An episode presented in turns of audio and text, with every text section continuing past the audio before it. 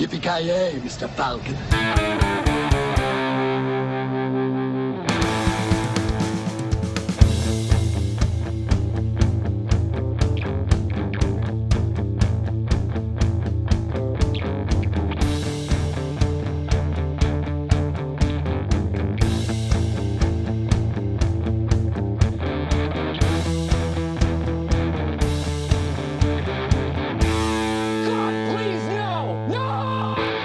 Tjena kära lyssnare! Välkomna till ännu ett avsnitt av Creative Meltdown Podcast. Mitt namn är Joakim Granström och den här veckan har vi samlats för att snacka om Anaconda, den absolut grymmaste låten som Nicki Minaj någonsin har gjort. My anaconda don't, my anaconda don't, my anaconda don't want none unless you got buns, hun. Boy toy named Troy used to live in Detroit. Bit was getting some coins. Was the shootouts with the law, but he lived in a palace. Bought, bought me Alexander McQueen, he was keeping me stylish. Now that's Med mig i vanlig ordning, Kent från Pite. Hur står det till nu när du har insett att Iron Maiden kommer aldrig att vara lika bra som Nicki Minaj? Hur reagerar du? Tankar? Känslor? Ja, det har jag inte hört talas om, men det är ju fake news såklart. Det så så? här i... Ja, han, du vill säga han lever i förnekelse. Alltså jag hör det, det, tog verkligen rakt i själen hör jag. Alltså, Nicki Minaj, lo, vad heter det, där har vi artisteri på hög nivå. Absolut, alltså herregud. Bruce Dickinson kan ju slänga sig i väggen. Alltså Nicki Minaj är ett geni, så, så det kan jag sträcka mig till. Men Bruce Dickinson är ju på en utomjordisk nivå. Han är ju otroligt jävla eh, fantastisk män- människa musiker alltså. Han botar cancer och gör den bästa musiken i, i världen. Ja, vi, vi har väl skilda åsikter om den biten måste vi säga. Ja, Helt ja det, enkelt. kan vi ju, lugnt- det kan vi lugnt säga. För mig Ja, är det det, tror, Nick- det Nicki Minaj. För, det, för mig är det Nicki Minaj all the way. Jag förstår det, alltså du, du skulle definitivt låta hon ta med din anakonda. She already has. Oh yeah! Jag hade sett henne i den här filmen här istället för Jennifer Lopez. Eller nej förresten, Nicki Minaj är fan... eh, nej. Hon är, hon, är, hon är bra men hon är ingen Lopez. Hon är ingen J.Lo. Har hon någon skådespelartalang? Har hon varit med i några filmer? Jag vet Men inte hon är rä- med. räknas inte Anaconda Vino som upp, uppföljare till den här filmen eller? Ja, kanske. Ja, Ja, men det, Nicki Minaj har ju varit med, med bland annat, jag vet att hon har varit med i någon- av de här, var på en barbershop eller vad fan de heter. Heter det också Ice Cube? ja, det är det. Åtminstone den första är Ice Cube med i. Ja, jag tror hon är med i typ en av dem i alla fall eller något sånt där. Fy fan. Nej, nej jag tänkte, nej men det, ja, jag är ganska säker på att hon är med i en av dem. Så det finns kopplingar mellan Anaconda och Nicki Minaj på något sätt i alla fall. Härligt att Förutom i höra. musikvideon. Hon kommer att vara med i rebooten alltså. Oh ja. den, den låten kommer att vara main theme. Den låten är main theme. Ja. My anaconda don't, my anaconda don't. Är fan låtskaper, alltså hög nivå på låtskaperi där alltså. My anaconda don't want none unless you got buns son. Oh, uh. Får stå och fräs alltså. Fy fasken, jag Ja, känner fan. bara att jag vill kolla in den videon igen. Underbar. Bohemian Rhapsody har, kan slänga sig i väggen. Det kommer till. Alltså Freddie Mercury han dog ju när han insåg att han kommer aldrig att mäta sig med Nicki Minaj. Ja, ja, precis. Han dog väl typ innan hon föddes, men ja, nästan. Han, han visste att hon skulle komma, det var därför. Ja, det, det var liksom, han- the writing was on the wall. Låt Aidsen ta mig. Nej, precis. She is the chosen one. Exakt. Joakim Avoya från Skäret. från skäret. Live från skäret. Live Där fanns det jävligt mycket anakondor. Ja, fy fasken. Ormtämjare som du är. Jag är ormtermit på ett sätt, men inte den typ av ormar som ni kanske kan tänka er. Enögda spottkobror är mer din, mer din grej. oh, Oh yeah. oh ja. Ah, no idea. Men från eh, en typ av orm till en eh, vanlig typ av orm kanske man ska säga. Anaconda. Action, skräck, eh, äventyr från 1997. All right, everybody, double check your gear, make sure it's all on board. I pray you didn't forget your bug spray. They have come to the world's most isolated jungle to explore the unknown Amazon. You ready? I think so. and conduct scientific research to prove the existence of a long lost tribe. Shirishama worship giant snakes, anacondas as gods, protectors. What is this? Anaconda skin. Is snakes out there this big? This skin is three or four years old. Whatever shed it has grown since then. Regisserad av Luis Loza som typ inte har gjort någonting annat som man har hört talas om. Eh, jag vet inte om ni känner till han. Han har tydligen gjort en film med eh, fan, vad heter han? Stallone. Stallone var med i en film som han regisserade, The Specialist. Inte sett den. Kent, det är väl typ din favoritfilm antar jag? Bästa filmen som någonsin gjorts. Självklart, nej, förstår den, den, den är faktiskt eh, en av Stallones svagare skulle jag säga.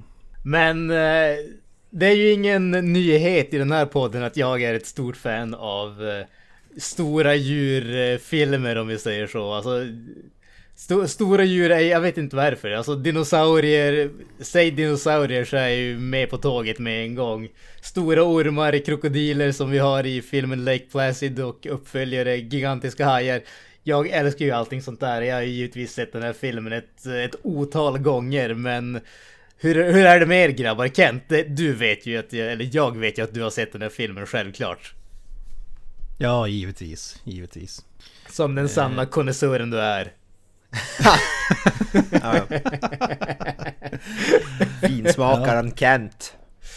Alltså jag, jag ska erkänna att när den kom, eller till, när man såg den på VS eller någonting, så var jag inte helt såld. Alltså det, det tog några år innan jag embraceade den.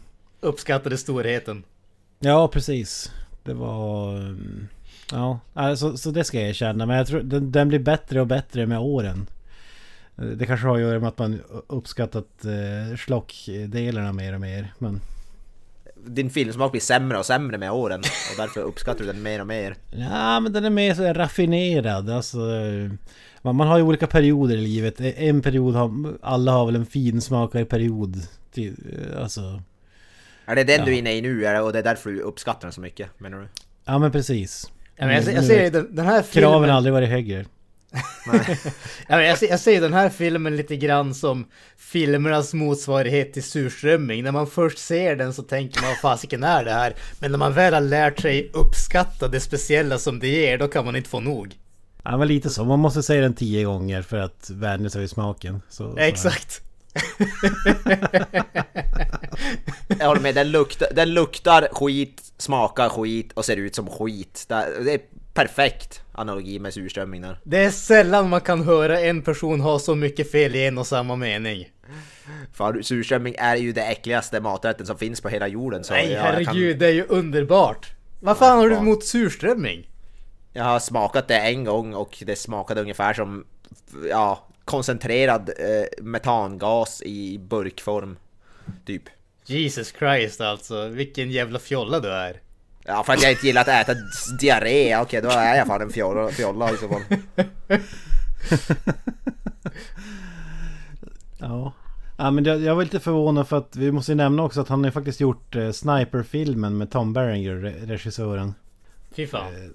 En film som jag gillade back in the days och var lite förvånad när han då gjorde en Anaconda-rulle. Senare så det kanske var mer att jag hade förväntat mig någon typ av en film något åt det hållet. eh, mm, Sniper alltså- vs Anaconda hade jag velat säga istället. Ja men exakt, ja men nå- någonting åt det hållet. Jag, jag tänker mig som vi brukar eh, ta Dog Soldier.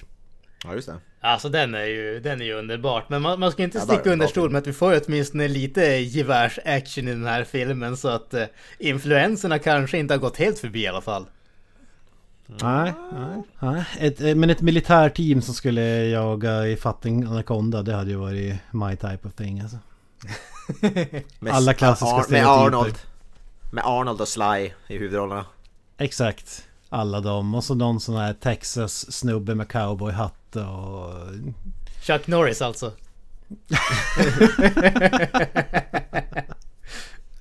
Al Pacino och ja, men, Bruce Campbell kanske. Ja just det. Fan vad underbart det låter. Avoya! Du som mm. storhyllar den här filmen alltså. Du hade inte sett den tidigare. Jo, jag har sett den. Hade du det? Ja, jag såg den när jag var, när den typ kanske kom ut när jag var typ 5-6 bara. Vi hade den på VHS, kommer jag ihåg. Så jag har Eh, definitivt, jag kommer till och med ihåg en del grejer från den faktiskt. Så jag har nog kanske sett den mer än en gång till och med. Jag, jag kommer ihåg i alla fall att vi hade den, för jag kommer ihåg hur VHS-fodralet såg ut. Det var typ mörkt och så var det typ bara två, alltså, ögon typ eller något sånt där.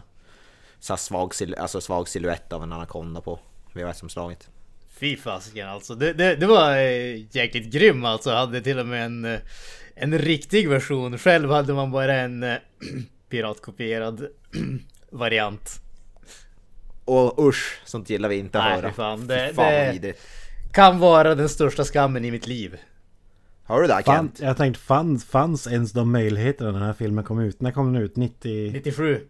Ja. Absolut, du kopplar ihop två stycken videospelare och så vad heter det? Jaha, jaha. Ja. Jag trodde du var inne på 56k eh, kassa... Ja, nej. Jesus Christ. Modem. Ja, det var det jag tänkte, vad fan.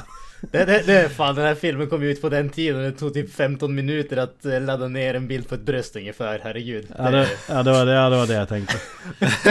ja, men du menar att rent hypotetiskt så plockade din farsa fram de dubbla videoapparaterna av samma märke för att kunna... Rent hypotetiskt kan det vara så att grannen som vi hade hade en exakt likadan videobandspelare som vi hade. Fy Ja, fan. det är fantastiskt. Underbart, underbart. Alltså, Vi- those were the days. I- Idag så sitter folk bara och liksom klickar på datorn och drar hem en jäkla massa skit som de aldrig betalar för. Förut var man åtminstone tvungen att lägga ner lite arbete på det hela. ja, exakt. Men vi är ju, tar ju tydligt avstånd från piratkopiering i den här podcasten dock. Ja, Vill påpe- Ja, påpeka. Definitivt. Skulle aldrig, aldrig någonsin hända någon av oss förutom den lilla fadäsen som jag nyss berättade om. Men det är det enda felsteget som jag någonsin Ja. har gjort. Ja, nej. Och det var ju rent hypotetiskt ska vi säga. Exakt, det var bara en eh, rent hypotetisk eh, tänk om det här hade hänt. Vilken skam jag skulle ha upplevt i det, detta fallet. Ja. Ja fy fan vad vidrigt med piratkopiering. Det vidrigaste som finns. Det, det är alltså, fy fasiken, de som gör sådana grejer borde fan skjutas. Ärkebusering! Oh ja, oh ja. Ja. Ja men så är det. Ja, men man Så är gillar ju som Avoya säger att på VS-fodralet med de här ögonen. Mm. Alltså för att det märkliga med ormen här är att det är ju ögonen. Den förstår ju hela designen på Anaconda-ormen. För att och jag, och jag läste också att det här designteamet hade tagit fram en realistisk. Alltså en orm har ju inte ögonen som människor har. eh, Så att de kan kolla rakt fram. Utan de ligger liksom på sidorna. Eller hur man nu ska beskriva det. Ja men precis. Men, alltså, men det- eftersom du- att re- regissören vill att eh, ormen skulle kunna gå köra eye to eye med en skådespelare, spänna ögonen i honom. Så, så, så beordrar dem att designa om ögonen och det ser den helt efterbliven ut i, i, i scenen. Ja, Jag gillar att de fan. även kör på det hela vägen och, och eh, tar in ögonen. De är mänskliga, människoaktiga ögonen i postern också. Ja, alltså det ser ju för jävligt. Det ser ut som att han är för förvånad hela tiden den där ormen typ. Det ser ut som att han är surprised. Nej, Ja, vet det ser framförallt ut att han har Det så ser jävla kort mellan ögonen. Ja exakt, det, för att det är så jävla kort mellan ögonen så han ser vindögd ut hela Ja. filmen. Ja. Ja, ja men alltså så, så är det ju. Alltså, o- ormarna är ju gjorda för att de ska ha liksom ett brett synfält. Så ögonen är ju, alltså, de, de ser ut som en fågel. De sitter ju liksom på sidan. De kollar ju inte Ja. rakt fram. Det, det är ju så den här or- ormen är konstruerad. Nu när man sitter, dels sitter de rakt fram och dels sitter de alldeles för nära varandra. Det, alltså det ser ju, ser för jävligt ut ärligt talat. Ja. Ja det är jävligt synd för den ser ju jävligt bra ut i övrigt. Alltså det är bara de här jävla ögonen som förstör illusionen eller på att säga. Men alltså designen på den. Ja, men alltså jag, jag fattar inte, vem var det som kom på idén där att liksom, ja, vi måste designa, alla, och då menar jag verkligen alla, vet instinktivt hur en orm ser ut. Varför tar man en sån grej och ändrar på det? Det, det, är, liksom, det är det första som alla kommer att reagera på, det där ser fan inte ut som det ska. Det, alltså, Ja men, ja, men som sagt då får du, du då, kan, då kan du aldrig få det här att han spänner ögonen i Jennifer Lopez eller eh, någon annan som är med i den här filmen. Ja men herregud alltså det är... Oj oj oj. Bara själva idén är ju så dum så det är inte sant. Ja, alltså jag vet inte det här med att spänna ögonen i någon. Det känns inte riktigt... eh, Ja men det är en sån där grej som... Det tillför inget. Nej, nej men precis, alltså att spänna ögonen i någon det är en sån där... Det, det är en väldigt mänsklig grej tycker jag. Alltså i- inte ens liksom rovdjur, typ en katt när de kollar på en. De kollar ju inte på en och spänner ögonen på, på det sättet som man tänker. De ser ju liksom... De ser ju mat. Om man säger så. Det är inte så att de spänner... Alltså, när man spänner ögonen någon då tänker man att okej nu är jag sur, nu är jag arg, nu är jag irriterad. Det är ju inte så, det är inte så ett djur fungerar. Djuret är ju inte liksom argt för att jag står där. Djuret ser, ser mig och tänker okej nu ska jag fan få middag idag ungefär. Ja. Ja, äh, idiotiskt beslut men... Upprö, upprörande saker, upprörande saker. Ja, jag hör, jag hör att det, Men det är fasiken, någon för som att, upprör. men, men för att gå från någonting som var väldigt, väldigt dåligt med filmen till att gå till någonting som är oväntat bra måste man ju säga. Alltså det är ju castlisten här. Det är ju, alltså skräckfilmer i allmänhet brukar ju inte vara filmer som föräras med en gyllene skådespelarlista om vi säger så, men alltså den här filmen har de ju fan lyckats eh, rejält måste jag ju säga. Jennifer Lopez i huvudrollen, J Lo. Finns det någon som inte känner till henne? Alltså visst, hon, hennes skådespelarkarriär är ju inte den bästa, men den, hon har ändå varit med i lite grejer och sen har hon ju liksom en gigantisk musikkarriär. Hur i helvete gick det här till egentligen? Har du några svar på det Avoya? Jag vet inte fan, hur är det? Det här är väl typ en av hennes första filmer, eller tidigaste filmer också? Visst är det det? Ja, är det verkligen det? Hon hade väl haft en ganska så lång karriär innan. Alltså det var väl Ja. Money Train och alla de här filmerna var väl Som innan. jag fått för mig att det här var en av hennes tidigaste. Alltså hon har ju varit liksom fan från början av 90-talet har hon ju varit med i en massa tv-serier och sånt så att Jaha. Kanske var det en av de tidigare filmerna men det var ju inte så att hon var ett okänt namn på något sätt vid den här tidpunkten. Ja, ja det kanske är så. Men det är ändå märkligt att, att hon skulle, det känns inte som så här, en Anaconda-film, det, känns, det är inte så här första filmen man tänker på så här. Ja, J. Jennifer J. Lopez. Och Anacondor. Jag vet inte. Nej alltså hon, kopplingen känns ju inte riktigt lika självklar som mellan henne och eh, som det gör mellan Nicki Minaj och Anaconda alltså. Nej. Nej, det är ju... Men Hon har gjort några så här oväntade filmer, typ The Cell om ni kommer ihåg den. Tarsem Singh regisserade den. Riktigt snygg Ja, film. det, den minns jag som ganska, eh, ganska bra ändå. Jag tyckte om den, jag tyckte om den. Inget Det är också så här mästerverk men... skräck, sci-fi grej. Ja, ja, men alltså det, den har ju det där typiska Tyson-grejen där den här filmen som film är väl helt okej men inget mästerverk. Men däremot så är den fantastiskt snygg. Ja, den har en del så weird sekvenser. Ja. Det är Som mycket sådana där typ eh, kluvna grejer och sånt och... Mm. Ja, den fa- faktiskt kommer jag ihåg. Det är också en lite så udda film. Sen blir det väl de filmer man egentligen förknippar henne med. Jiggly, Jersey Girl. eh, alla de här. Jiggly var väl en gigantisk sågning. Det var väl hon och Ben Affleck va, som fick pris som sämsta skådespelarduon och så vidare. Ja precis, det, det var väl, det, det skulle väl vara typ ett J.Lo vehicle ungefär. Det var typ den sämsta filmen någonsin mer eller mindre. Jag har inte sett den men den är ju mytologisk så att säga.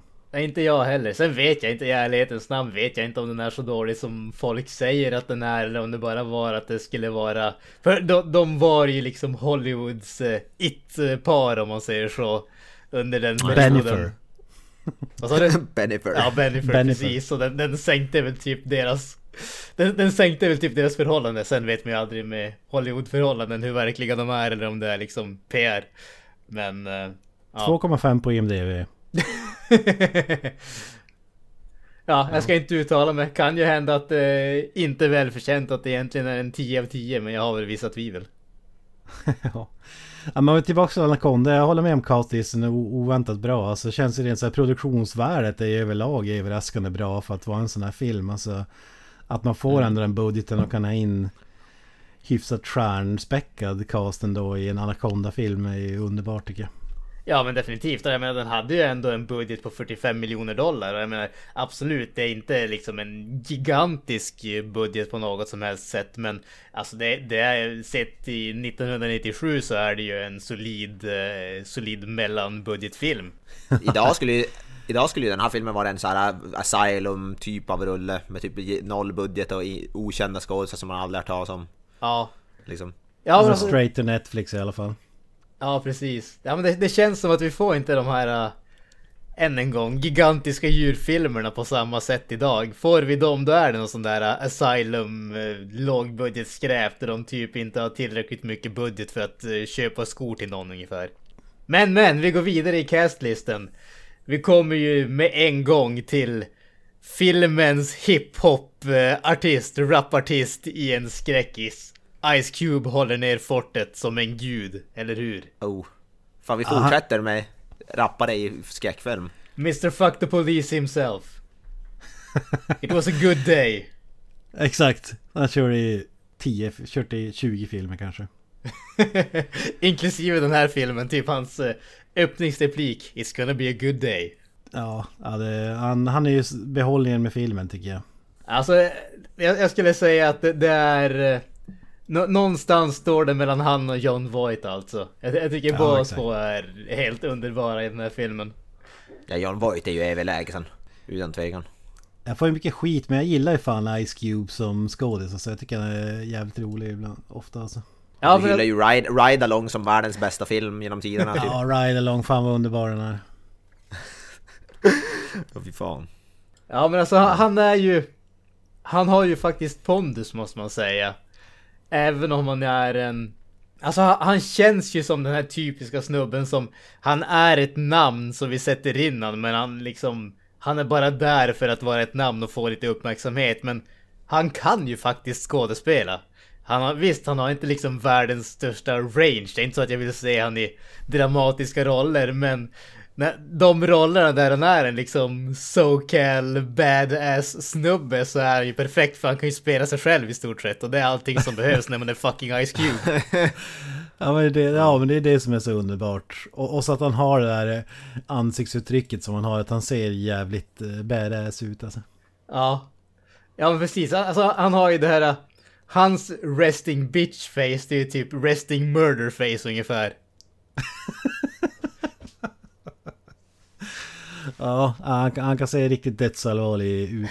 eh, och, och så att det är så på gränsen till att det är så jävla överdrivet. Men det blir, istället för att bli löjligt så blir det bara fantastiskt. Ja. Alltså jag, jag, jag, jag måste säga att jag tycker om han. Jag, jag tycker om han riktigt mycket. Sen har vi ju John Voight. Alltså för mig så är han väl ändå filmens höjdpunkt. Jag, jag tycker han är så jäkla grym som Paul Throne, den här uh, allvet, allvetandes om djungeln, mysko-ormjägaren som alltid har sin egen agenda och gör vad fan han vill och försöker övertala och manipulera alla andra att gå hans väg. Alltså jag tycker han är helt perfekt castad i den här rollen. Ja, han är som någon paraguayansk Rambo i den här filmen och det är underbart. Ja, alltså, eh, ha- han, alltså hans ansiktsuttryck hela tiden. Där han, alltså, det, det är inte bara grejerna som man gör, men bara sättet som man ser ut får en att känna att alltså, den här snubben vet mer än vad han säger och han gör saker enbart för sin egen vinning. D- Däremot, det, alltså John Voight är superkänd skådis Men det jag förknippar honom med är ju ett Seinfeld-avsnitt. Eh, jag vet- jag vet inte om jag kommer ihåg det här men det är så jävla kul när George Costanza ska köpa en Volvo. Men eh, bilförsäljaren övertalar honom att köpa en LeBaron istället. Ja men en obskyr, eh, obskyr bilmärke. Och han, han vill egentligen inte ha bilen men bilförsäljaren säger att ja men eh, previous eh, owner var John Voight. Och så bara, oh, Ja John Voight. Och så slutar det med att han köper den här jävla bilen enbart på grund av att John Voight har ägt den. Och så sen, e- efter ett tag så när de kollar igenom papperna och så här, då är det John Voight med H, inte. Dogboy. Så bilförsäljaren hade i och för sig rätt med att det var John Voight, men det var John Voight, inte John Voight, skådespelaren. Just det, Jag kommer fan, ja, jag har fan minne av det där. Ja, det är ett jävligt bra avsnitt. Men det, det är fan det jag förknippar John Voight med. Alltså, jag vet inte fan om han ens var med själv i den. Nej jag tror inte det. Le- LeBaron. Nej han är ju bra skådis Voight. Jag förknippar han är med i en serie som heter Ray Donovan där han är jävligt bra. Där förknippar jag jävligt sta- starkt med. Men han har gjort mycket. Han är väl också typ, visst är han farsa till? Är det Angelina Jolie Ja, den eller? första Angelina Jolie. Ja. De var ju med i... Är det första eller andra Tomb Raider-filmen de gjorde tillsammans också? Jaha, ja just det. Just det. Ja, för Deliverance om man ska dra en filmreferens är väl ändå den man tänker på. John Voight, Sista färden och så vidare. Sen har vi ju kanske mannen som gjorde en karriär efter den här filmen. Owen Wilson. Ja. Givetvis mest känd för eh, Shanghai Dawn, Shanghai Nights. Med Jackie Chan. Shanghai Noon. Jag tror inte det finns en film som heter Shanghai Dawn. Ah, ja, nej, är det Nights den inte finns? Nej, Shanghai- Dawn Shanghai var den Noon och som Shanghai skulle Nights. göra som aldrig blev av. Shanghai Noon, du har helt rätt, det är den första filmen Ja. där. Så jävla Shanghai bra. Noon, det de, de gillade jag faktiskt, Shanghai Noon Nice när jag, som li- liten parvel. De tyckte jag faktiskt var jävligt underhållande. Ja, ja. Ja. Jag älskar de Liten. filmerna. Jag, jag måste erkänna att eh, jag tycker nog nästan mer om dem än Rush Hour-filmerna alltså. Va? Men, Ja. Nej, Erik. Alltså, ja, ja alltså det, det är fan bara någonting med dem där. Som gör att jag älskar dem. Jag har aldrig orkat Ja. mig igenom hela Shanghai Noon men man älskar ju Va? Rush Hour-filmerna. ja, jag tycker Shanghai Noon tycker jag är underbar. Jag gillar, jag gillar, jag gillar fan Owen Wilson så fan. Jag tycker han är, jag tycker han är hyfsat underskattad som skådis faktiskt. Tycker jag, även fast han typ bara spelar sig själv i, i princip. Men, Jag var fan chockad över att han var med. Jag hade inget minne av att han var med i jävla Anaconda-filmen alltså. faktiskt. Och att det är han som är vad heter det, den här uh, perv, pervy, vad heter det? Ja precis, sex crazed eh, Ja. guy som ba- Ja. bara tänker med det lilla huvudet så att säga. Ja, det känns inte så mycket Owen Wilson faktiskt på något sätt, jag vet inte. Men, Ja, det, det, som du säger, det var ju hans första riktiga roll. Alltså han har varit med i någon sån här Butler Rocket obskyr film. Och även en liten roll i Cable Guy med Jim Carrey. Men se- sen var det Anaconda. Följs upp året efter av Armageddon. Och där tog det väl fart i sig. jävlar ja. En, en annan person som jag inte hade någon minne av att vara med det var ju Eric Stoltz. Bland annat med i Pulp Fiction. Eh, och så vidare. Men jag tyckte det var jävligt kul att alltså han, han är ju med i början av filmen och då tror man att han ska vara huvudrollen eller slash hjälten eller någonting. Men han försvinner ju bara så kommer han tillbaka later on. Och jag, lä- jag läste att det var ju det var en sån här... Eh, eh, Då, då, då bara, ja, han, han kom dit, vissa gjorde ett helt okej jobb men han, han funkar inte i rollen så vi var tvungen att skriva ut honom. Så, så, så, så han var liksom tänkt, tänkt som en eh, leading actor men eh, blev bortkastad. För att han inte höll måttet. Vilket är jävligt kul med tanke på övriga skådespelare. Owen Wilson, Ice Cube och så vidare. Det, Ja just det, han är fan, det, det glömde, glömde jag bort, han är fan med i Pulp Fiction ja. Jag spelar den här uh, drug dealern eller vad det är. Med långt hår ja. Eric Stoltz. Han är fan kung i Pulp Fiction tycker jag. ja. Han är fan sjukt bra. Ja, nej fy fasiken alltså. Sen, sen känns det som att vi, vi måste ju nämna Jonathan Hyde också. Han är ju, som spelar Westridge, den eh, pompösa snubben i den här filmen. Han kommer ju för evigt att vara Robin Williams farsa i Jumanji för mig. Ja, för mig är han den här uh, professorn eller doktorn i Mumien. Ja, det Jag är tror också. jag, jag tror jag mer kommer ihåg Eller butlern i, vad heter det, Richie Rich. Ja det är han ja, just fan. Yes. Ja jävlar. Han är även med i Titanic och så vidare. Alltså han, han är ju, om, om man ska säga att den här filmen har en skådis skådis så skulle jag säga att han är väl det namnet. John Voight är ju absolut, han är en riktigt bra skådis men han känns kanske inte som en sån där äh, Han känns inte som en seriös skådespelare på samma sätt men eh, Jonathan Hyde känns ju verkligen som en sån här äh, actors actor för mig. Ja, han var med, han var med i Jumanji. Han är en actors actor. Exakt. Ja. Fan jag i skådespelarlistan, men den som spelar Anaconda inom citationstecken är Frank Welker. Inte vad fan det är han, om det är han som gör skrikljuden. Ja det måste ju vara det. Och det, alltså det var ju någonting som jag reagerade Vad på. sjukt. Jag, jag, jag, jag ska erkänna, jag har väldigt lite koll på ormar i verkligheten, men låter ormar annat än Nej. när de liksom Ja. sticker ut tungan och sånt där. I den här filmen så skriker ju ormarna konstant. Ja, Nej det är väl ett creative choice. Creative freedom så att säga. Sätta ögonen rakt fram så de kan stirra på folk och uh, göra en massa ljud. Jesus Christ. Det är, det är helt sjukt att det är Frank Welker, han, han är ju han, alltså väldigt välkänd inom så här röstskådespeleri, så det är ju Megatron i Transformers och så vidare. Ja men alltså han, han är ju... Finns det ljud med i en film så är det ju typ han som har gjort dem ungefär. Ja. Alltså det är helt sinnessjukt hans, vad heter IMDB, han måste ju ha de längsta, vad heter det, eh, CV'na på IMDB, alltså 859 acting credits. Ja men han, han är väl... eh, Är det inte han som har rekord för att uh, ha dragit in mest pengar om man räknar in alla filmer som han har varit med om? För han har gjort Ja, ljud i typ alla filmer ungefär. Ja, Jag hade för mig att det var Samuel L. Jackson men... eh, Nej jag tror Samuel L. Jackson är väl han som har dragit med mest för att han är med i filmer. Alltså att han fysiskt är med. Men Frank Welker har dragit in mer för att han har gjort ljud i typ alla stora filmer. Jag gillar typ sjukt, a- alltså, av alla de här eh, 800 creditsen så är det known for på IMDB Transformers 3, Mortal Kombat och två andra Transformers-filmer. Det är fan status alltså. Ja men det, alltså, som eh, Granström säger, behövs det något typ av ljud till filmen som är, alltså, som bara kan göras av en människa så är det typ Frank Welker är väl nummer ett på vad heter det, listan som folk ringer till antar jag. Ja, ja men han är ju... Han har ju fan varit med i typ allting alltså. Det är ganska sjukt. Kan- Det visste jag fan inte dock, det var fan, nu- det såg jag bara nu när jag gick och kollade, kollade upp det. Fan, den är inte lång castlistan till vad heter det, Anaconda, det är inte jättemånga skådespelare som är med i den här filmen. Ja men alltså det, det, det är ungefär tillräckligt många människor för att de ska få plats på en båt. Det, det är ju Ja. i stort sett allt de har att spela med i den här filmen.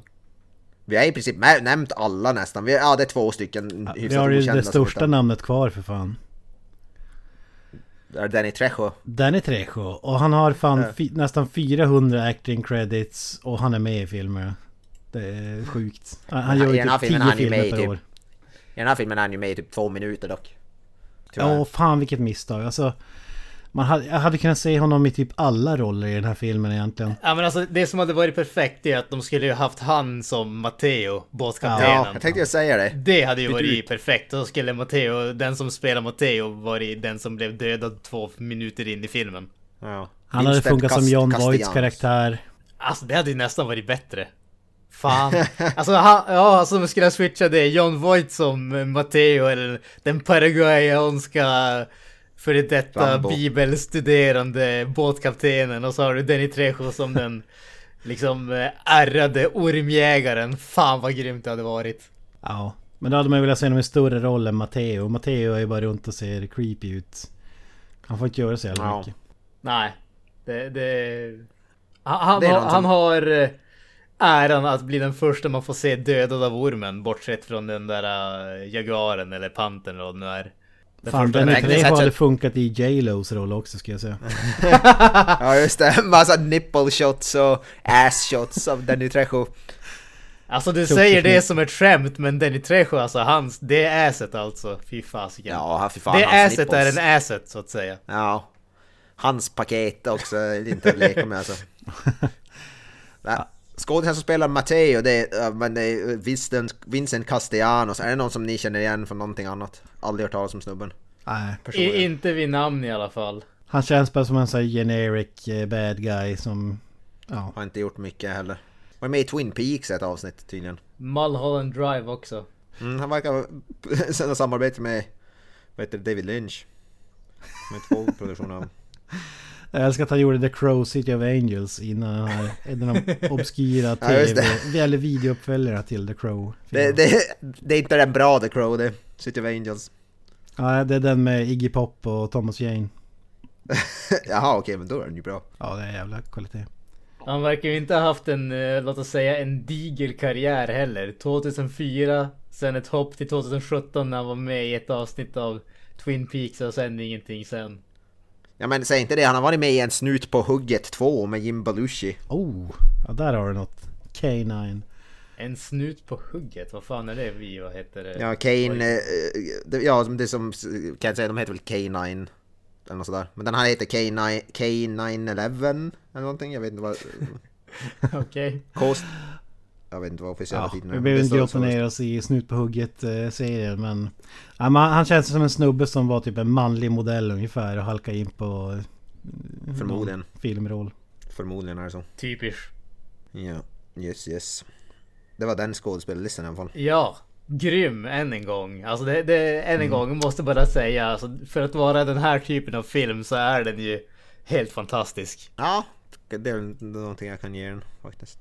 Då Yes. insinuerar du att du inte tycker att det är en bra film eller? Mm. jag tycker inte det är en dålig film, jag tycker heller inte den är jättebra. Jag, mellanmjölkig, kan jag väl säga. Fy fan alltså. Fy fan. Ja, alltså den här filmen är så mellanmjölkig så jag, jag, vill, jag vill ta den med en kanelbulle. Det är ungefär på den nivån. Ja jösses. Alltså mer tragiska ord har sällan uttalats. Nej. Innan vi går vidare, jag måste bara nämna alltså manusförfattarna. Det är ju tre pers. Hans Bauer, han har inte gjort så mycket. Han gjorde uppföljaren till Anaconda och lite skitfilmer. Men Jim Cash och Jack Epps Jr. var ju även med och skrev den här. Och de var med och skrev Top Gun. Det tycker jag ändå är mäktigt. Dick Tracy, Top Gun och Anaconda. Fy fasiken alltså. Ja, de har även skrivit Turner and Hooch med Tom Hanks. Fy fan. Aldrig sett, men hört talas om. Al- Alltså man, man måste, alltså, nu kollar jag bara på Jim Cashs eh, IMDB här på hans filmografi. Alltså det börjar ju jävligt starkt med eh, Top Gun. Sen två filmer som ingen har hört talas om. Sen Turner and Hooch och Dick Tracy. Och sen Anaconda, höjdpunkten på karriären. Och sen Mm. går det ganska stenhårt neråt med The Flintstones in Viva Rock Vegas. Toppkvalitet. Ja, de har det var även en rak linje eh, mellan de filmerna alltså. Ja, de, de har även skrivit, vad heter det, Blood... Hunt for the Blood Orchid eller vad det heter, den här andra Anaconda-filmen. Anaconda 2. Faktiskt en helt okej film tyckte jag. Inget mästerverk på något som helst sätt, men helt okej. sett. Tänkte faktiskt säga samma sak. Jag såg den faktiskt. Den poppade upp på Netflix där den här också finns. Och jag tänkte, ja vad fan varför inte? Jag hade förväntat mig super eh, usel film. Eh, bara namnet The Hunt for the Blood Orchid ger inga bra vibbar. Men faktiskt helt okej. För att vara en monsterrulle. Ja, alltså jag, jag, tyckte, jag tyckte faktiskt om den. Den- Den är betydligt mer underhållande än den har rätt att vara om man säger så. Ja men, ja men lite så är det. Ja, ska vi gå vidare? Det känns som att vi tog ett jävla eh, avstamp här i. Jävla avstamp. Definitivt. Men när det finns så mycket underbart att prata om, då är det svårt att låta bli. Ja men det. Så är det. Nu det är dags för den, den eh, beryktade handlingen på tre minuter? Ja, alltså det här... eh, Uh. Kan bli spännande, men vi gör ett försök. Får jag en nedräkning? Nedräkning? Tre, två, ett, go! Filmen öppnar med Danny Trejo ensam på en båt. Han jagas av någonting som vi inte ser. Jagas upp i båtens högsta, högsta mast och skjuter, skjuter, skjuter sig i huvudet. Jag kan inte prata, herregud. På ett djungelhotell sitter Terry Flores, Jennifer Lopez och söker information om indianstammar. Professor Cale knackar på dörren. De ska filma en dokumentär om en mytomspunnen indianstam tillsammans. Dagen efter är vi på en båt och får träffa filmcrewet. Kameramannen Danny, ljudkillen Gary, produktionsmanagern Denise och filmens berättare och David Attenboroughs substitut Westridge. Och vi träffar även Matteo, båtens kapten. Nästan direkt stöter de på en trasig båt och där plockar de upp den mystiska Paul Cerrone. Han är en ormfångare och hans kunskaper om djungeln visar sig vara väldigt användbara. Och dessutom säger han sig känna till indianstammen som de söker efter. De hittar en totempåle av en orm som bekräftar att de är på rätt spår. Natten efter går Gary och Denise ut i djungeln för att spela in ljud, men de blir attackerade av vildsvin som Cerrone skjuter. Dagen efter fastnar ett rep i båtens propeller, Cale dyker ner för att skära av den, men någonting händer och han håller på att dö. De andra drar upp honom och hittar en giftig geting i munnen. Cerrone räddar livet på honom med att skära ett hål i strupen och stoppa in ett rör från en penna som man kan andas igenom. De måste få honom till ett sjukhus så fort som möjligt och de har inget annat- val än att lita på att Cerrone vet den snabbaste vägen längs floden. Längs vägen hittar de en kantrad båt, båten från öppningsscenen. Cerrone, Matteo och Danny beger sig dit för att söka efter bränsle men de hittar ingenting. Men, de hit, men Cerrone hittar en skattkista eller vad man ska kalla det. På vägen tillbaka till båten så faller Matteo efter och blir dödad av ormen i våran första dödsscen. Cerrone visar upp ett gigantiskt ormskinn och säger att snubben har fan blivit uppäten. De fortsätter resan och Cerrone övertalar Gary att de måste fånga en orm för att tjäna pengar och få ut någonting av den här jävla resan. De övriga är emot dem, men när de blir hotade med vapen har de inte så mycket annat att göra än att lägga sig ner och go, go with it så att säga. Cerrone fiskar efter en orm och lyckas till och med fånga en och i en dödlig kamp så eh, kommer den upp på båten men den dödar Gary. Cerrone tar över båten, säger att fan det här är mitt skepp nu. För att bli av med honom försöker Terry förföra honom och när han inte är beredd på det slår Danny och Westridge ner honom och binder fast honom. Båten går på grund, Ter- Danny, Terry och Westridge måste ner i vattnet för att lossa den. Cerrone dödar Denise trots att han är fastbunden och tar sig sedan lös. Ormen jagar Danny och Terry men Westridge gör oväsen av sig och den följer honom istället. Han jagas, jagas upp längs ett vattenfall men blir dödad. Cerrone attackerar Danny och Terry och alla faller i vattnet. Faller i vattnet. Ormen får tag på Danny 15 men. Terry, men Terry skjuter den i huvudet. De kommer lös och kommer till en byggnad där de hittar bränsle. De attackeras av Cerrone igen. Han slår dem medvetslösa och använder oss lockbetet till ormen. Ormen kommer men de tar sig lös och den äter upp Cerrone istället och med hjälp av båtbränslet lyckas de explodera ormen. Men den gör en sista attack och Danny hugger ihjäl den med en yxa. Finn. Bam! Ah, 0308 det var bedrövligt måste jag säga. Tragiskt, tragiskt, tragiskt. Än en gång säger, är jag i position att jag måste be om ursäkt till våra kära lyssnare. Ibland så lyckas ja, man, ibland nu, inte. nu, tapp, nu tappade jag humöret för den här podden. Alltså mitt track record är ju bedrövligt. Det finns ju ingenting annat att säga. När det här avsnittet släpps så vid lunchtid i centrala Skellefteå går det och spottar på Granström där på torget. kommer så, vad heter det, som, vad heter det, Jesus Kristus som martyr, sätta upp honom så får alla som är besvikna över hans uh, summation av Anaconda. Ja fan, jag står där på torget och försöker äta min jäkla burgare och så kommer bara en massa människor och spottar på mig. Fy fan. Som sig bör, som sig bör. Livet är hårt men jag får vad jag förtjänar, så är det väl. Mm, ja. Ja så är det ju. Vi har ju redan snackat om vad vi tyckte om den här filmen, så att vi kan väl gå in lite grann direkt till några scener om vi säger så. Jag måste ju säga att den här filmen öppnar ju grymt bra med eh, Danny Trejo när han är ensam på den där båten. Och eh, den i stort sett håller på att eh, kapsejsas av att eh, den blir attackerad av en jävla orm, även om vi inte får se ormen. Men vi har ju en av de absolut coolaste shotsen i hela filmen här alltså. När han har eh, spikat igen dörren och då ser man golvplankorna bara börja skallra och sen flyger de upp och då ser man spikarna som flyger upp framför ansiktet på honom. I slow motion. Alltså det är så jävla coolt så det är fan inte sant. Ja hur fan gjorde Anacondan det här? Han måste ju ha någon sån här uh, Alltså trycklufthammare tagit eller sig... någonting. Alltså den måste Ja, ha tagit sig in genom skrovet dessutom. Så att den, för att den ska vara under golvet. Och sen Ja. så... exakt, den tar sig genom skrovet men inte genom några golvplankor. exakt. Exakt. Och sen, så, som du säger, då måste jag ha haft en hammare eller någonting. För det är inte så att eh, plankorna flyger upp och spikarna sitter fast. Utan plankorna rör sig lite grann och spikarna flyger all världens väg. Alltså, Det är en underbar start på filmen alltså. Ja men alltså det, det här är ju sådär uh, typiskt... eh, det ser coolt ut, logiken får halta om det behövs ungefär. Vi kan göra den här jag effekten, hur kan vi klämma in den? Ja. Ja, ja men exakt. Vi måste hitta en ursäkt. Vi har, vi har Danny Treasure här, hur kan vi förhöja scenen ytterligare? ja, de förhöjer den genom att han klättrar upp i masten och tar självmord. Det är inte alla filmer som börjar så heller. Nej, precis. Ja, jag gillar det faktiskt. Det är ändå så väldigt mörkt, eller vad som, jag vet inte. Jag gillar som själva, sen behålls inte den stämningen genom resten av filmen, men den börjar jävligt. Förutom det där med spikarna då, som kanske är lite corny, men... Förutom det så är den, jag, jag, alltså... Jag, jag gillar faktiskt öppningsscenen, den är...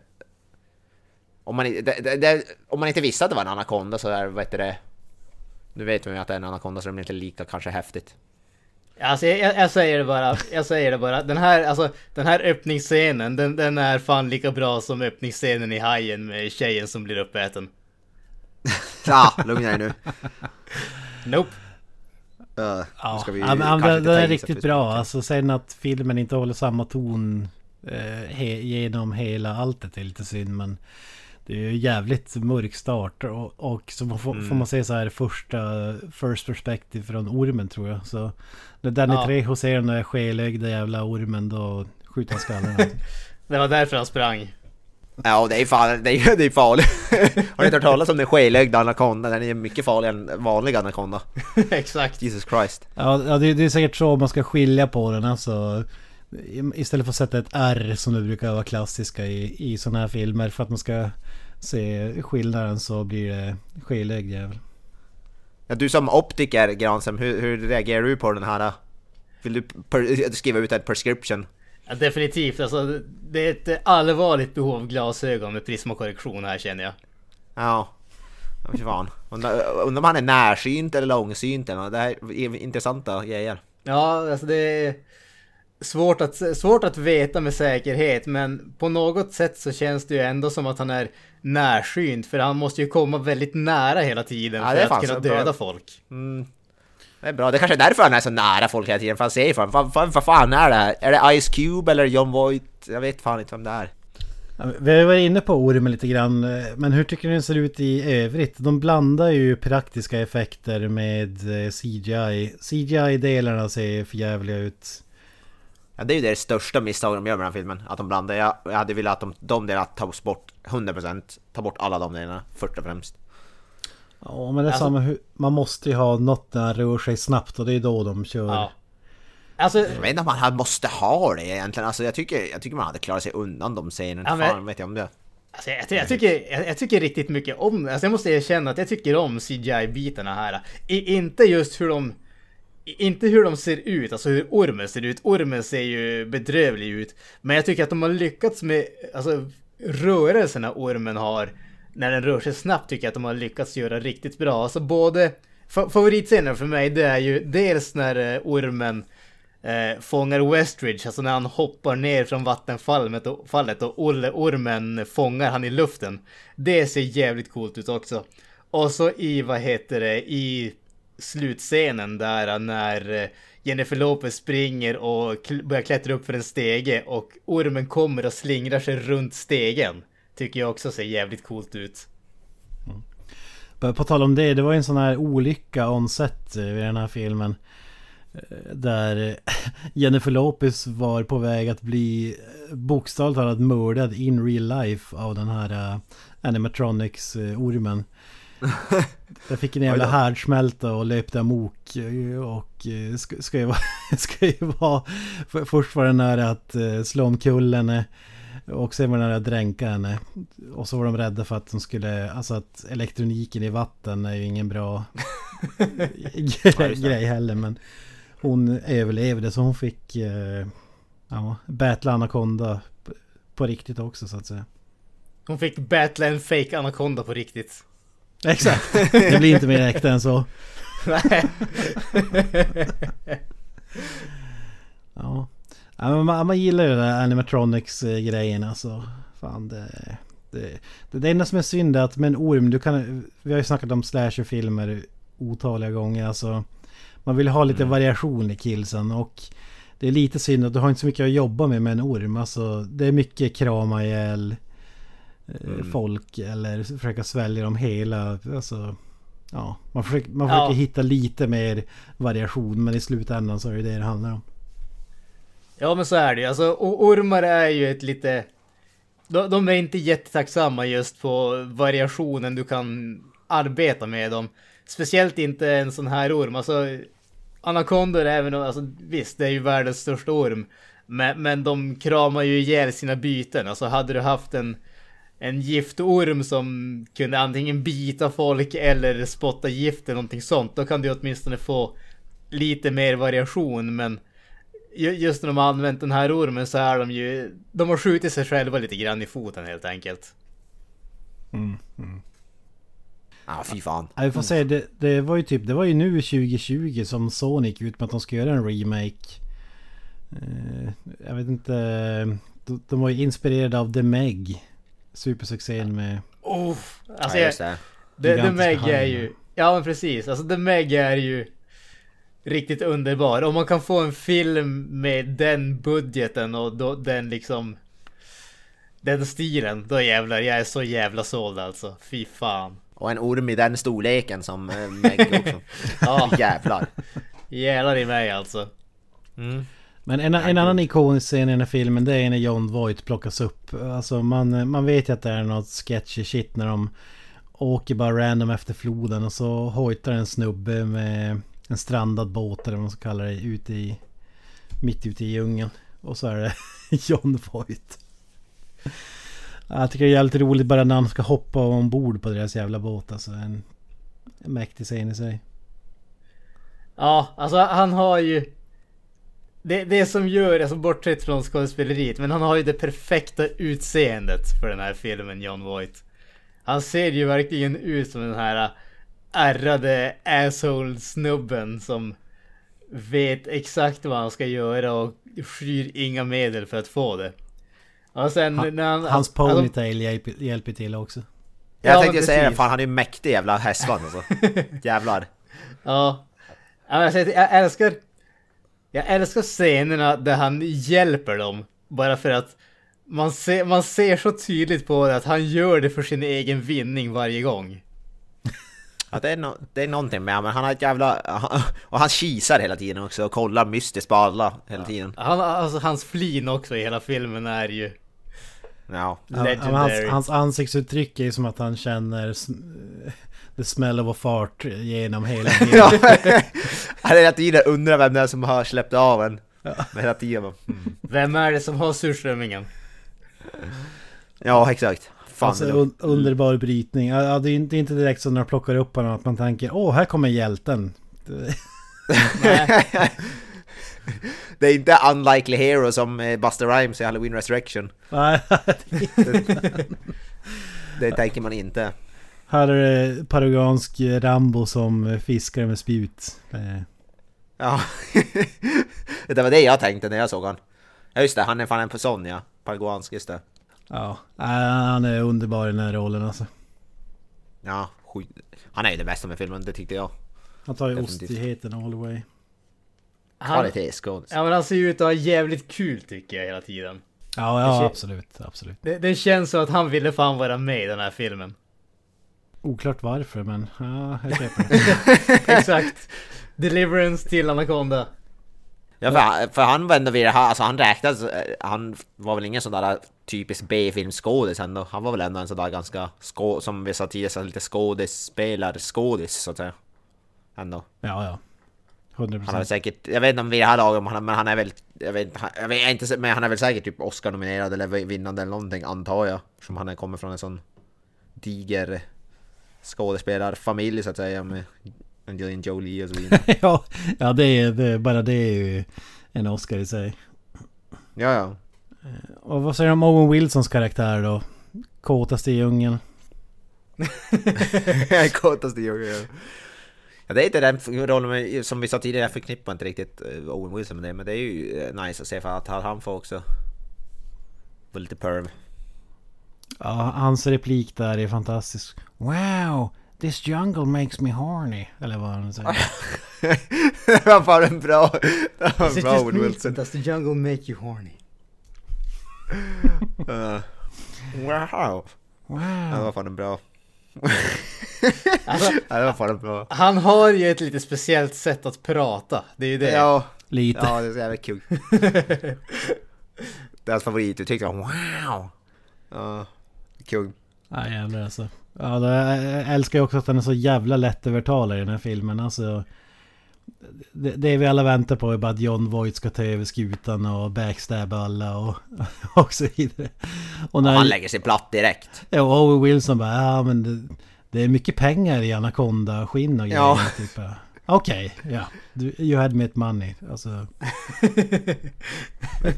Jag tycker om scenen när de ska hundra utan ut i skogen där, och så att det först, direkt ska de börja, så ja, nuppi nuppi så att säga.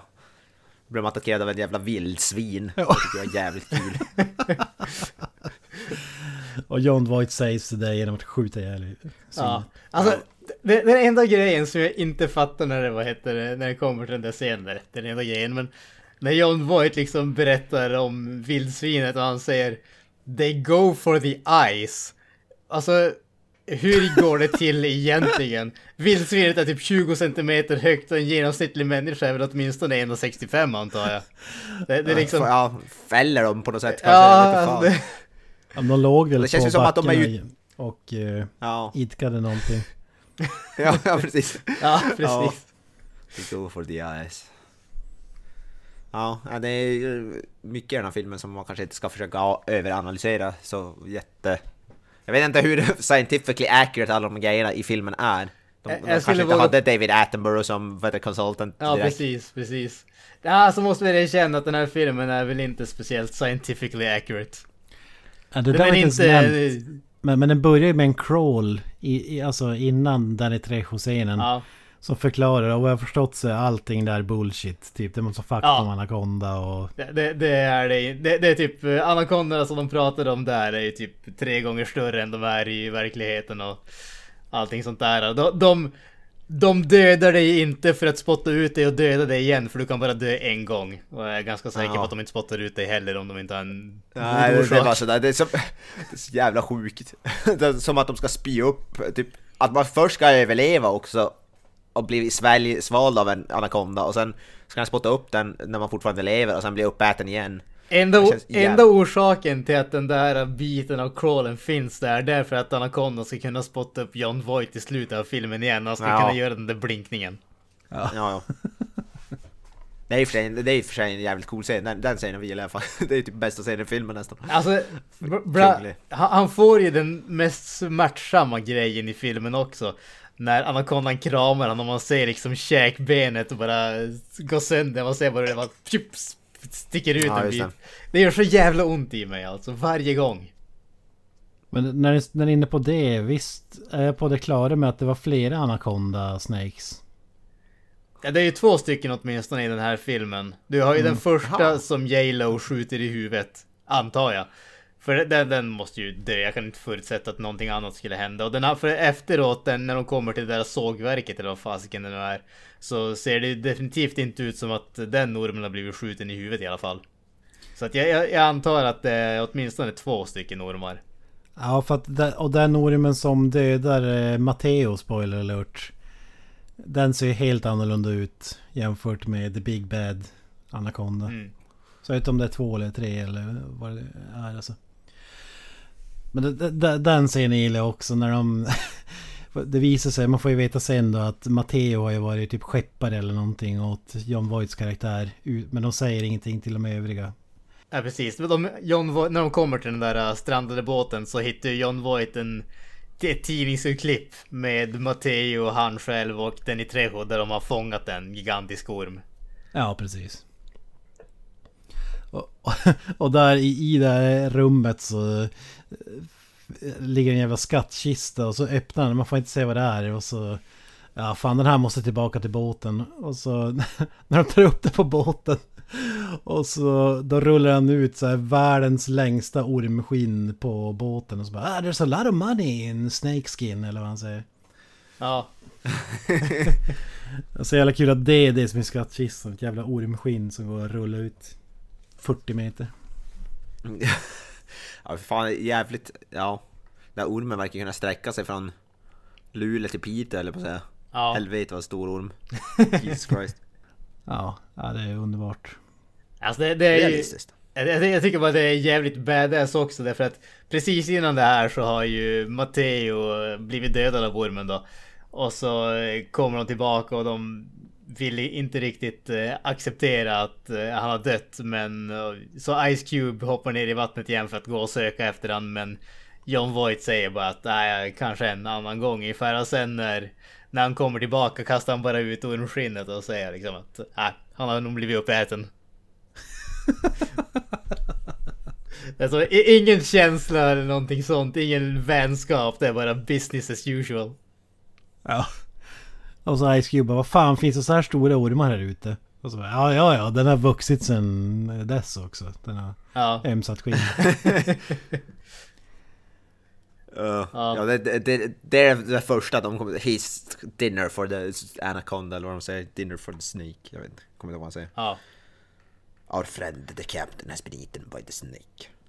Då berättar John Voight också att anakondor har värmesensors. Att, Ja just det, de är som predators också, som, alltså i, som filmen Predator. ja. Så vet jag inte hur scientifically accurate det är. Det skulle inte förvåna mig ändå att de kan känna av typ kroppsvärme. Jag menar fan. Hajar kan ju känna typ eh, elektriska impulser på typ eh, jättelånga avstånd. Så att det skulle inte förvåna mig i ärlighetens namn. Ja, kanske. Kan vara ren bullshit. Det säger inte att det inte är det men.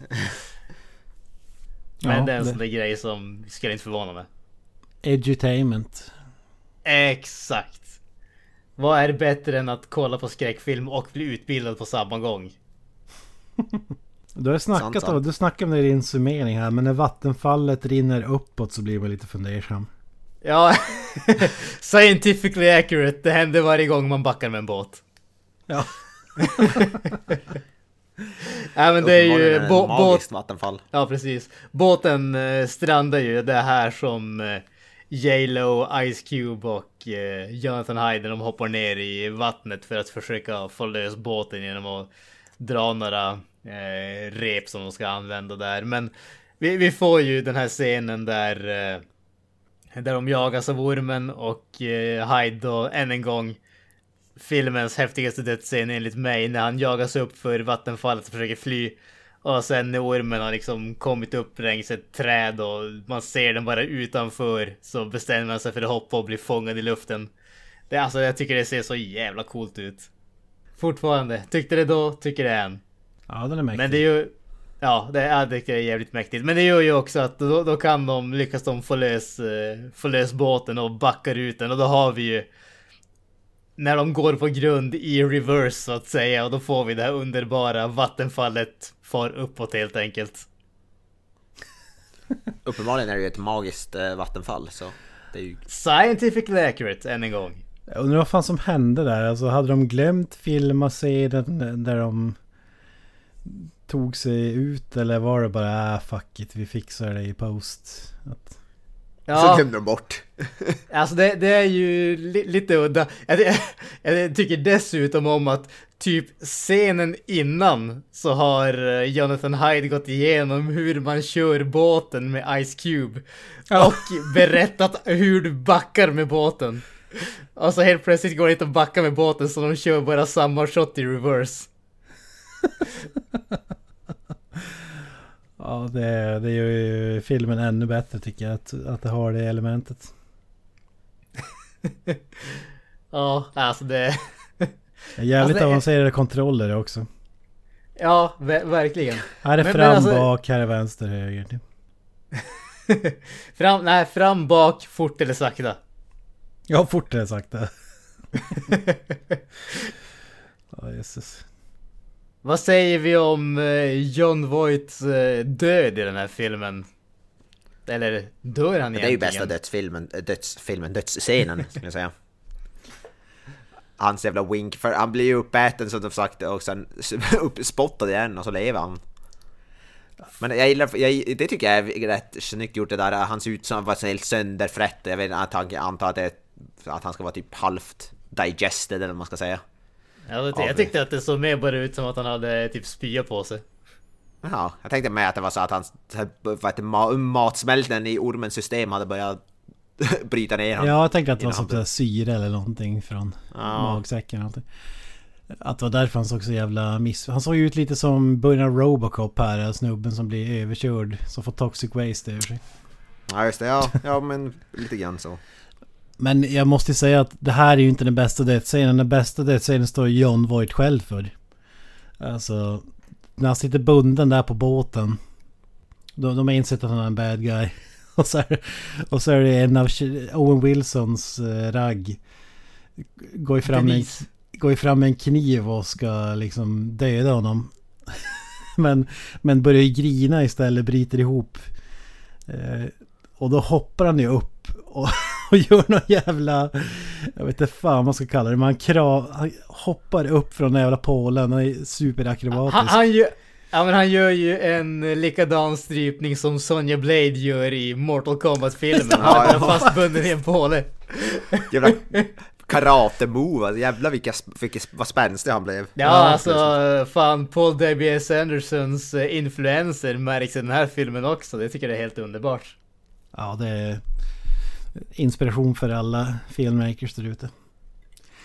Ja, det var helt kul. Han bara kramar ihjäl och så bara vickar på höften och så ramlar hon i vattnet. Och Och de andra är ju inte på båten utan ute i vattnet och håller på och grejer med annat och så bara ah, ett stort splash. Äh, skitsamma, det var säkert ingenting. Så märker inte ens att han har gjort den där badass movet. Nej, för den alla faller i vattnet och och hon dyker upp igen. Det... Ja. Ja men det, det, det är en grej som var cool också med John Voights död. Det var ju att man filmade inifrån ormens eh, tarmar eller vad fan ska man kalla det?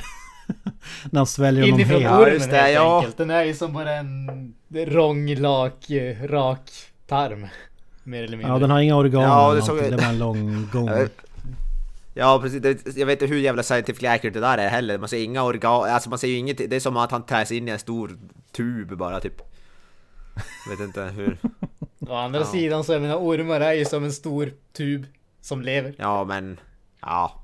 Jag tycker jag såg också lite för ihålig ut för att kunna vara insidan på en fucking orm. Men vad vet jag. Jag kan inte mycket om eh, ormar, ormanatomi. Inte jag heller. Ska Men, jag erkänna. eh, jag tänkte säga att det är en cool scen, jag vet, jag vet inte hur cool den är men... Ja. Ja men jag tycker ändå det är coolt. Jag tycker ändå det är coolt. Det enda som stör mig lite grann är att man hör när han skriker trots att han är typ halvvägs inne i ormen. Ja just det. Dåligt isolerad orm. Ja, väldigt dåligt. Men det är förmodligen därför den har inga organ så ljudet tar sig ut mycket lättare. Nej, det är klart. Nej. Den är skelögd, har inga organ. Ja, Den där ormen har levt ett hårt liv. ja. Utstött, det är därför den är så arg. Ja, fy fan. Och så måste han bli tvingad av att äta John Voight. Kan inte smaka så jävla gott. Du tror inte det? Alltså han, han låter ju definitivt som att han skulle vara gammal och alltså kraftig viltsmak känns det som det. Jag tänker, ja, segtuggad tänker jag. Ja. Senig. Men sen det, i slutändan det finns ju bara en person som kan mörda ormen. Och få slut på eländet. Finns bara en person som kan save Buster the Rhyme! day. Nej, fan det var inte, det var, det var en annan film. Det, fan vad bra den här filmen hade varit. Tänk om Buster Rhymes kom in och sa trick or treat. Motherfucker. Och så Anaconda, bitch. karatesparkar anakondan bara. Ja. Wanna be on Dangertainment? Let's see what you got! Ja, fan. Happy Halloween, snake fucker. Inte fan vet jag. Snake fuck. Fy fan. Ja, ja, Ja, det är det enda som hade gjort ner filmen, eh, den rädda filmen. Det är Buster Rhymes. Ja, fy fan. Alltså jag, jag, jag måste erkänna att jag är inte säker på vad du menar med att rädda filmen. Den här filmen behöver inte räddas. Jaha, nej just det. Ja, men då höjer den ytterligare ska jag säga. Exakt. Skulle ha förgyllt den ytterligare. Ja just det. Skulle ha haft det Buster. Rhymes som Matteo. Fy fan vad grymt det hade varit. Det skulle vara en båt fylld med rappare bara. Alltså... ja, nu snackar vi. Vi har Snoop Doggy Dogg och vi har Buster Rhymes. Vanilla Ice Ice. Cube. Vanilla Ice, ja, den största av dem alla. Markoolio kanske. Ja, uff, uff. Och vad heter det han... eh, Den andra, han... eh, Ja, ja, eh, ja. Jag tänker bara att, Ja. jag tänker bara att vi skulle ha fått DMX och så hade det blivit Dogs vs Anaconda. Jag tänker, vad heter han? Tio små moppepojkar, rapparen. Dr. Alban. han? Dr. Alban, Han är rappare verkligen. Är det inte? Ja, jag vet inte fan vad han är. Han rappade i en låt och det räckte. Ja, fan. Ja. Jag tänker, finns det en bättre musiker i Sverige eller? Än Dr. Alban? Nej. Jag vet inte vad jag vet. Ja, Hello Dr. Africa är Alban. Alltså det är Dr. Alban och Markoolio som, är, som håller eh, svensk hiphop-flaggan Hello. Africa, tell me how you're doing. Ku- Kuriosa är att Dr. Alban har sålt mer skivor än Buster Rhymes. Ja, det. 14 miljoner säger jag. Wait what? Ja, för fram till 2005 hade han sålt över... Eh, Är du seriös? Nej. Wait, wait, wait, wait what? Jag, jag, kollar på, jag kollar på Wikipedia. Dr. Alban. He has sold an Ja. estimated 16 million records worldwide. ja. What I in the helvete. fuck? Det är för fan uppe i typ... Hur i helvete? Och han uppträdde på Kalles krog för inte så många år sedan här i stan. 16 miljoner, det är ju för fan, han är ju för fan uppe i toppen. Alltså det är ju inte många artister i världen som har sålt så jävla mycket. Alltså, alltså med, med det här, alltså just nu känns det bara som att Det finns en verklig chans att vi kan få med Busta Rhymes som gästa i podden. Det känns inte som en omöjlighet. Alltså, Jesus Christ. 16 miljoner? Ah, fy fan vad, det är många skivor sålda alltså. Det är ett sjukt att han är typ sålt mer skivor än många stora artister, alltså många andra stora artister som är faktiskt aktiva typ. Alltså, Ja, seriöst. som Busta Rhymes till exempel. Ja, som Buster Rhymes. Det fan sjukt.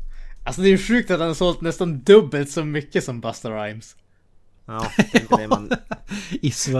Eller han, han är väl stora i såna här konstiga, typ baltländer och såna där för mig. Alltså, Han har karriär där. Det är ju många svenska artister som går den vägen så att säga. Ja, ja men så är det ju. Äh, vart fan var vi med Anaconda då så att säga? Vi börjar närma Ice. Cube, Ja, just det, var Ice det det vi Cube var pratade om? vi. Han räddade, he just saves the day. Ja just det, ja, jag gillar ju det där. De, de tänder ju eld på den jävla ormen så det börjar brinna. Men då faller den ner i vattnet så elden släcks ju. Och så tror man att ja okej nu är det faran över. Men då kommer den ju upp till ytan igen och då ryker det från ormjäveln. Det tycker jag är jävligt kul. Typ så här från gapet så är det som en eh, Weber-grill. Alltså, Ja, som att han fortfarande är jävligt varm. ja. Ja.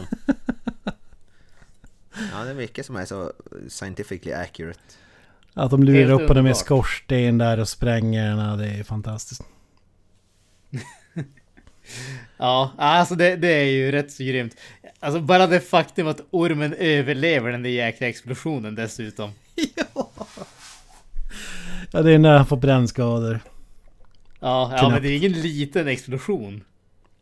Nej, nej jävlar. Det där, i, en, I en normal film hade ju ormen sprängts i tusen bitar men... Här catcher den bara fire i princip. Exakt. För att attackera J.Lo. Och bli sönderhuggen av Ice Cube. Finns det ett mer värdigt slut i ärlighetens namn? Ah, skulle, jag, skulle, skulle, jag, skulle jag vilja dö skulle jag vilja få en yxa i huvudet av Ice Cube. Ja, Ja, that's the way alltså- to go. Ja, ja men det känns lite så. Alltså, antingen så är det en yxa i huvudet av Ice Cube eller en karate kick av Busta Rhymes. Det är liksom de två sätten man kan gå på. Allting annat är ju värdelöst. Tänk om man fick, först blev karatesparkad av Buster Rhymes och sen fick man en yxa i huvudet av Ice Cube. Ja, alltså jäklar, det hade varit någonting. Du har just beskrivit min drömdöd alltså. Sen slänger vi in Louis Gossett Jr. kommer in med sin uh, beryktade ål. Vad, säger man one-liner? Jag tycker det var jävligt rolig. Han, säger, han drar, säger väl bara 'Bitch' När han eh, sätter yxan i huvudet. Ja, det behövs väl inte säga så mycket annat. Fucking bitch. Ä- ä- är det där Jesse Pinkman från Breaking Bad har fått sin bitch? Och där var, den, där, var, där var den svenska översättningen jävla subba, vilket jag tycker var jävligt kul också. Obviously.